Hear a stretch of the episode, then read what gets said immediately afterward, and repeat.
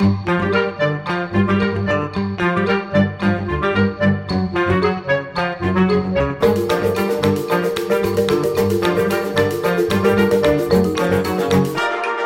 radio. Radio ar šodienas skatu pagātnē. Nereti esmu dzirdējusi, ka cilvēki par manu darba vietu teica, nu tas Rīgas rādio, tas galvenais. Tad jāskaidro, ka sendienās varbūt tas arī bija, ja ne galvenais, tad vienīgais radio. Jā, strādājam Rīgā, taču runājam, un arī agrāk daudz runājām, par un ar citiem Latvijas iedzīvotājiem un vietām. Ja jālūkojas nesenā vēsturē, tad tā saucamie lauku žurnālisti mums ir bijuši vairāki. Šajā raidījumā tuvāk iepazīsim trīs manas kolēģis - pagastu vēstures izzinātāju Ingrīdu Strodu, lauku ļaužu uzrunātāju Māru Variku un meža dzīves pazinēju Mudīti Paegli. Es stāvēju naktī, tumsā, pilnīgā, uz meža ceļa. Aiz muguras man bija niedrs un tāds grāvis, un priekšā bija mežs, kur nu vajadzēja klausīties, no kuras puses vilki atsauksies, un piegaudotājs aizbrauc kādus divus kilometrus pa to ceļu projām. Es pilnīgi viena pati stāvēju naktī un gaidīju, vai es dzirdēšu vai nedzirdēšu tos vilkus. Un es jau šodien tā paklausījos, toreiz es biju kopā ar vilku piegaudotāju. Jānis Krodels, un man ir šie piegaudojieni, kur Jānis Krodels gaudo.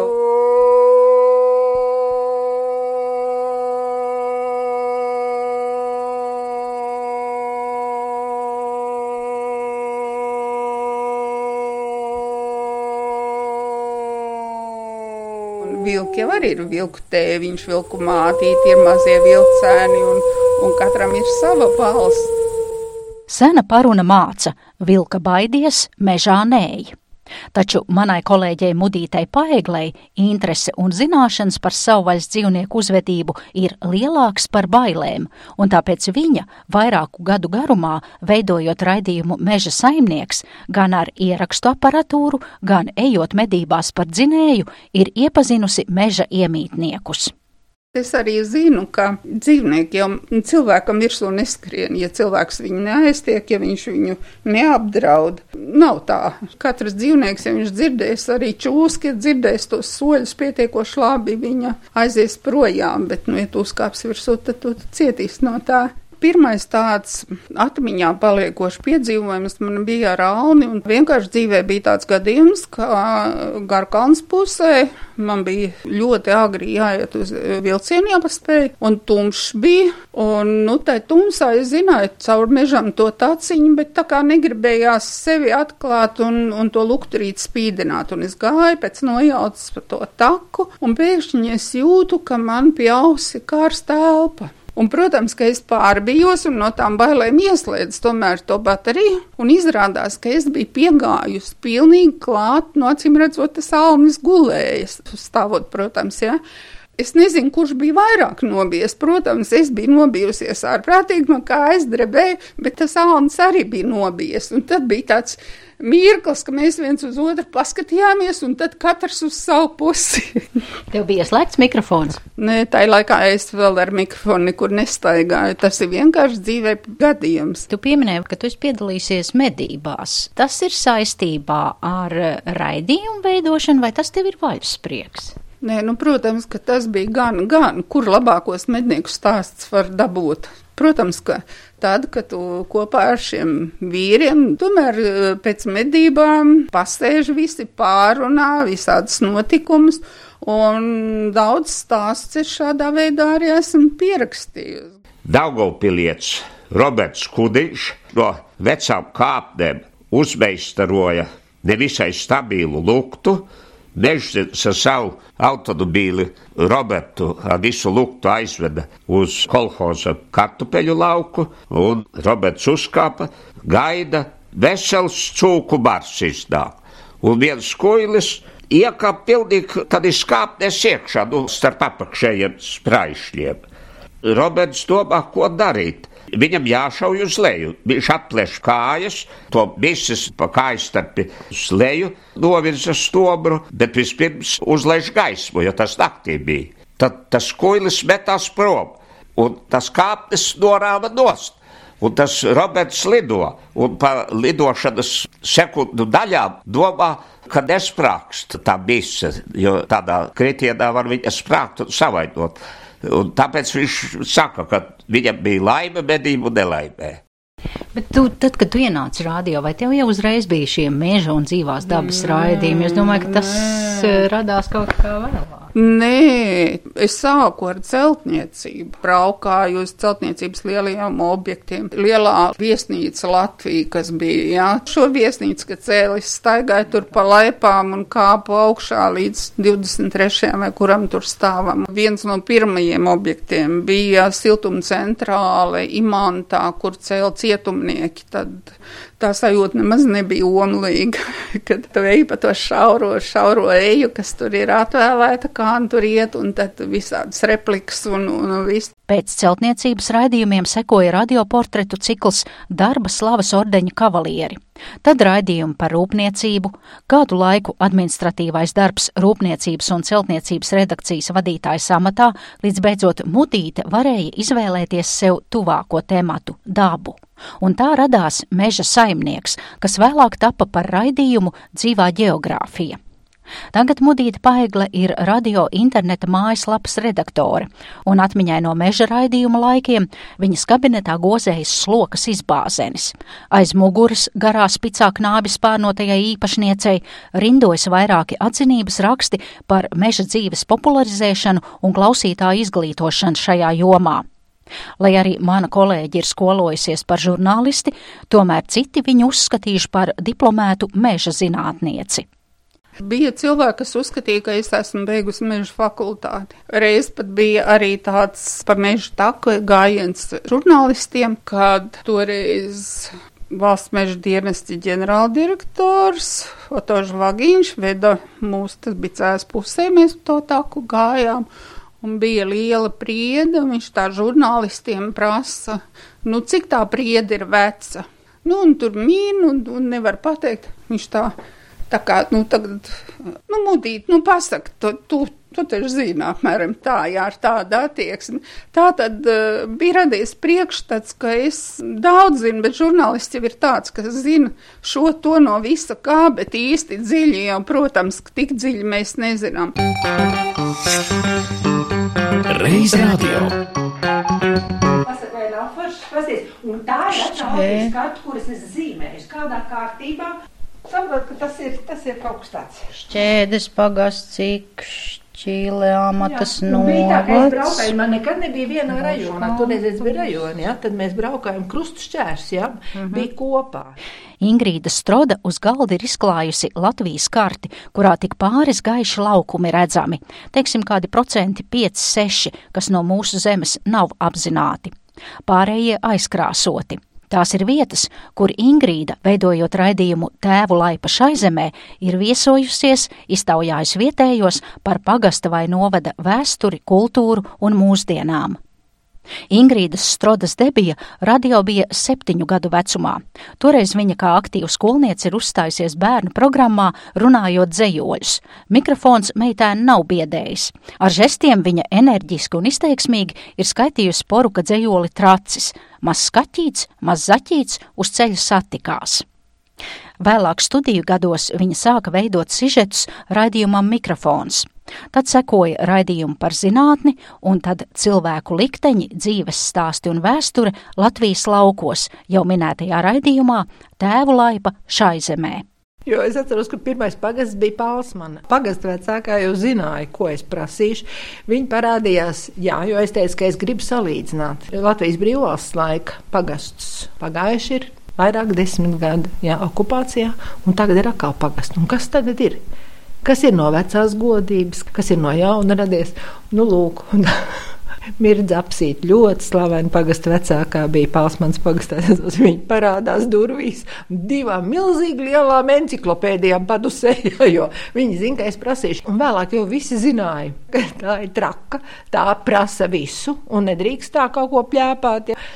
Man vienā, vienā skolā direktors saka tā. Kā tad es to lai zinu, vai tā man ir pirmā vai kuru skola pagastā? Es esmu šeit tikai pēdējos 15 gadus. Es teicu, jūs tas neinteresē, kas te bijis pirms tam.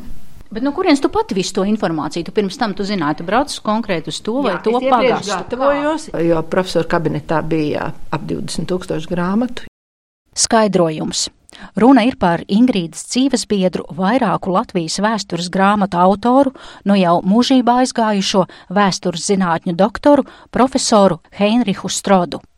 Sākums jau bija tāds, ka es, es teicu, bet saka, lūdzu, kur man to meklēt, kur man to meklēt. Nu, protams, no sākuma viņš man teica, nu, to meklēt tur, to meklēt tur. Jo viņš tiešām arī bija staigājošs encyklopēdija. Beigās jau es jau pati jau zināju, kur man kas jāmeklē un ko un kā. Protams, arī bibliotekās es gāju un skatījos un sekoju līdzi. Un tā es pati iepriekš mācījos. Man ļoti patīk, bija viens pagasts netālu arī no Jēkabpils, kur bija mākslīgs veidojums no trīs dažādiem pagastiem, kas bijuši ir pirmās brīvvalsts laikā. Kā tās meitenes centās, viņas tomēr sadabūja tās kripatiņas kopā, un kā viņas stāstīja par to pagasta vēsturi, un kā viņas veda pie vecajām rokdarbniecēm un pie zemniekiem, un kā viņas to visu darīja burvīgi.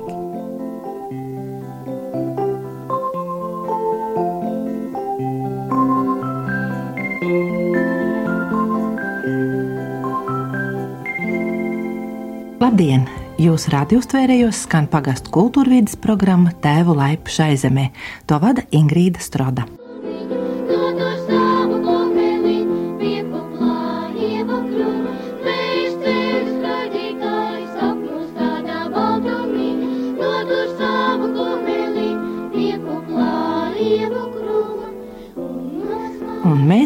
Kumeliņu, jeb Latvijas radio mašīnu, apturēsim pie viena no kuplā Latvijas pagastu ievziedu krūma ziediņiem - Mežāres pagasta, Jēkabils rajonā. Ar šīs vietas vēsturi iepazīties mums līdz Mežāras kultūras nama direktore Judīte Grugule. Akmens cirvi, kas ir atrasti mežratītas ciemā, tagad Mežāras pagasta ratītas, kā arī divi akmens cirvi, kas ir atrasti bijušā Līvānu pagasta turku sāģā. Tagad tas ir turku ciems Mežāras pagastā. Un Kā jums izveidojas tāds nosaukums - Turki, Turku ciems? Otrā Krimas kara laikā, kas um, notiek 1877. un līdz 1878. gadam, pēc šī kara eh, šī vietiņā tiek nometināti kara gūstekņi, turki. Līdz ar to vietējie iedzīvotāji šo vietu tā arī nosauca. Raidījums bija populārs, un Ingrīdu Strodu klausītāji pazina, un cilvēki bieži zvanīja un jautāja viņai, nu, kad jūs brauksiet pie mums, mums arī ir ko stāstīt.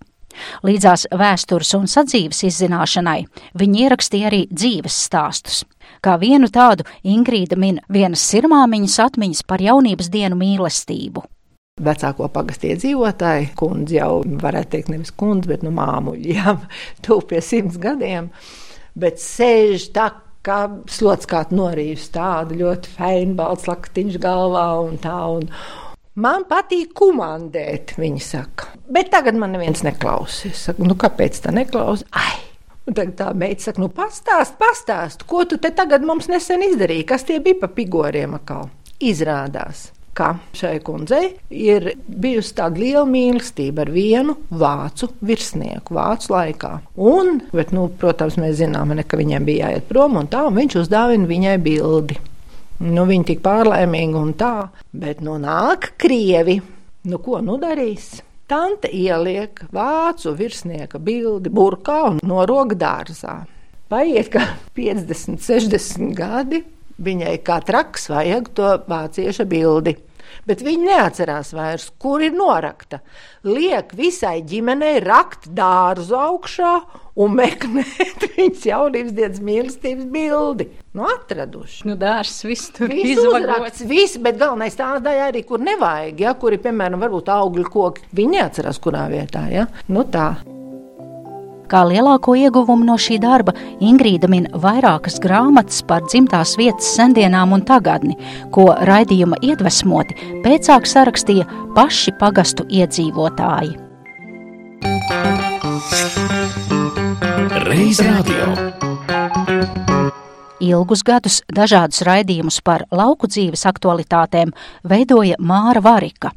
Pati cēlusies no laukiem, dzimusi Gulbens pusē Rankā, bet kopš jaunības saimnieko ķekavas pusē.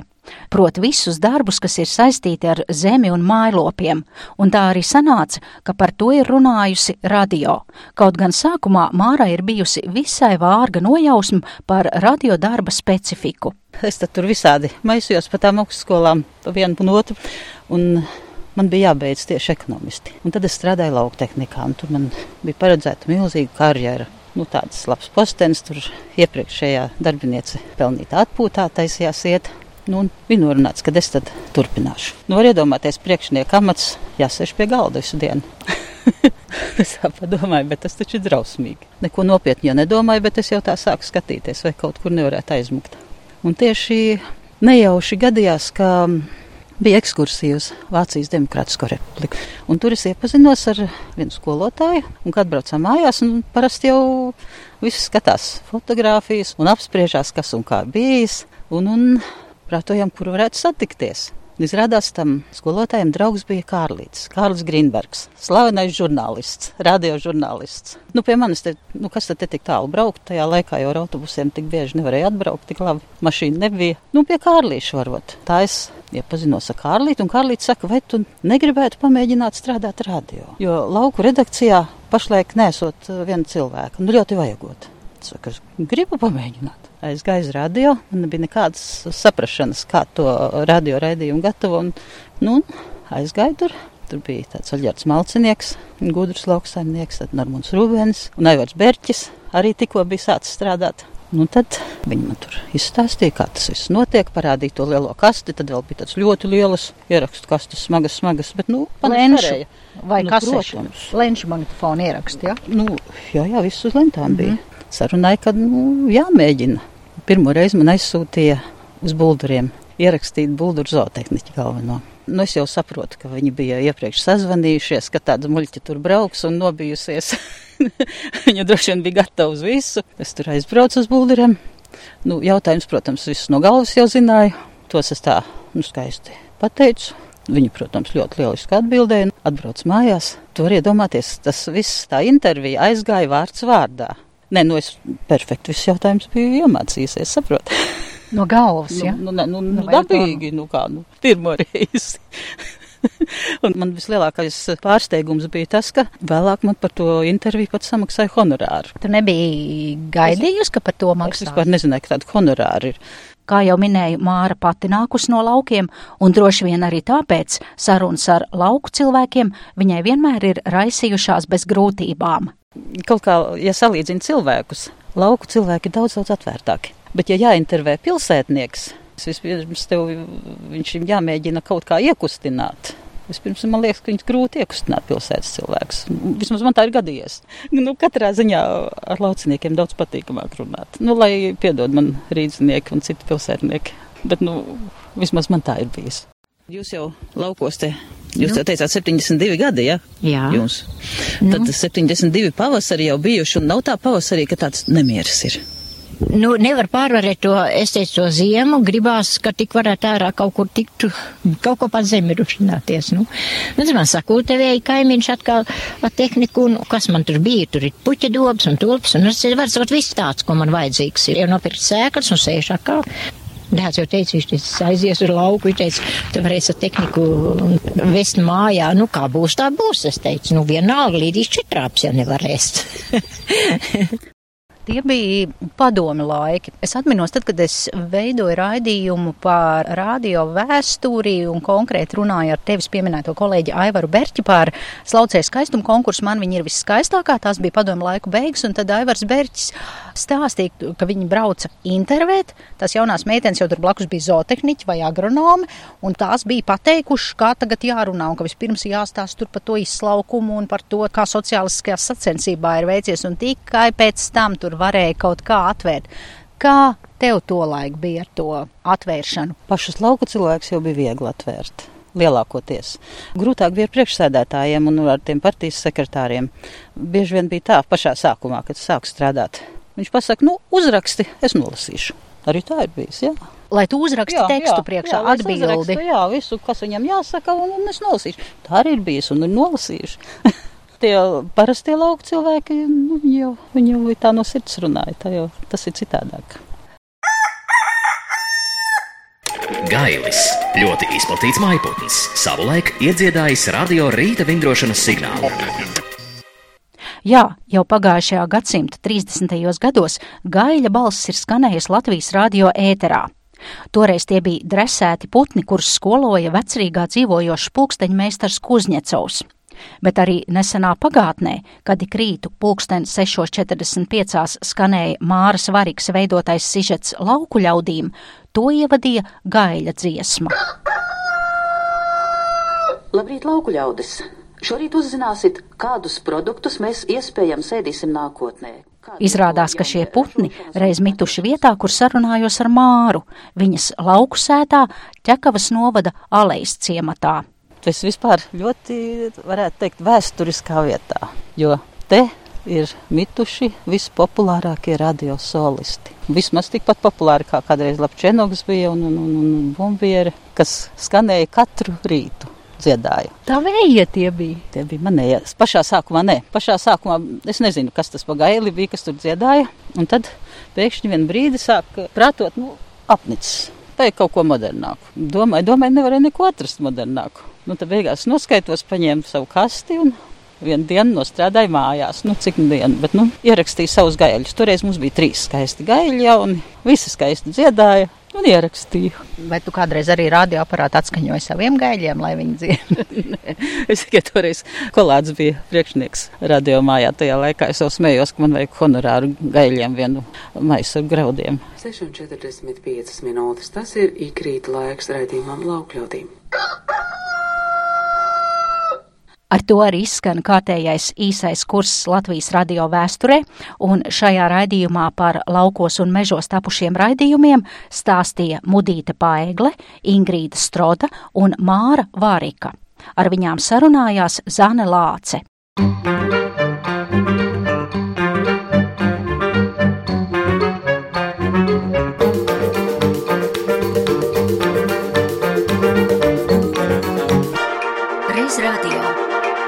Reiz radio ar šodienas skatu pagātnē.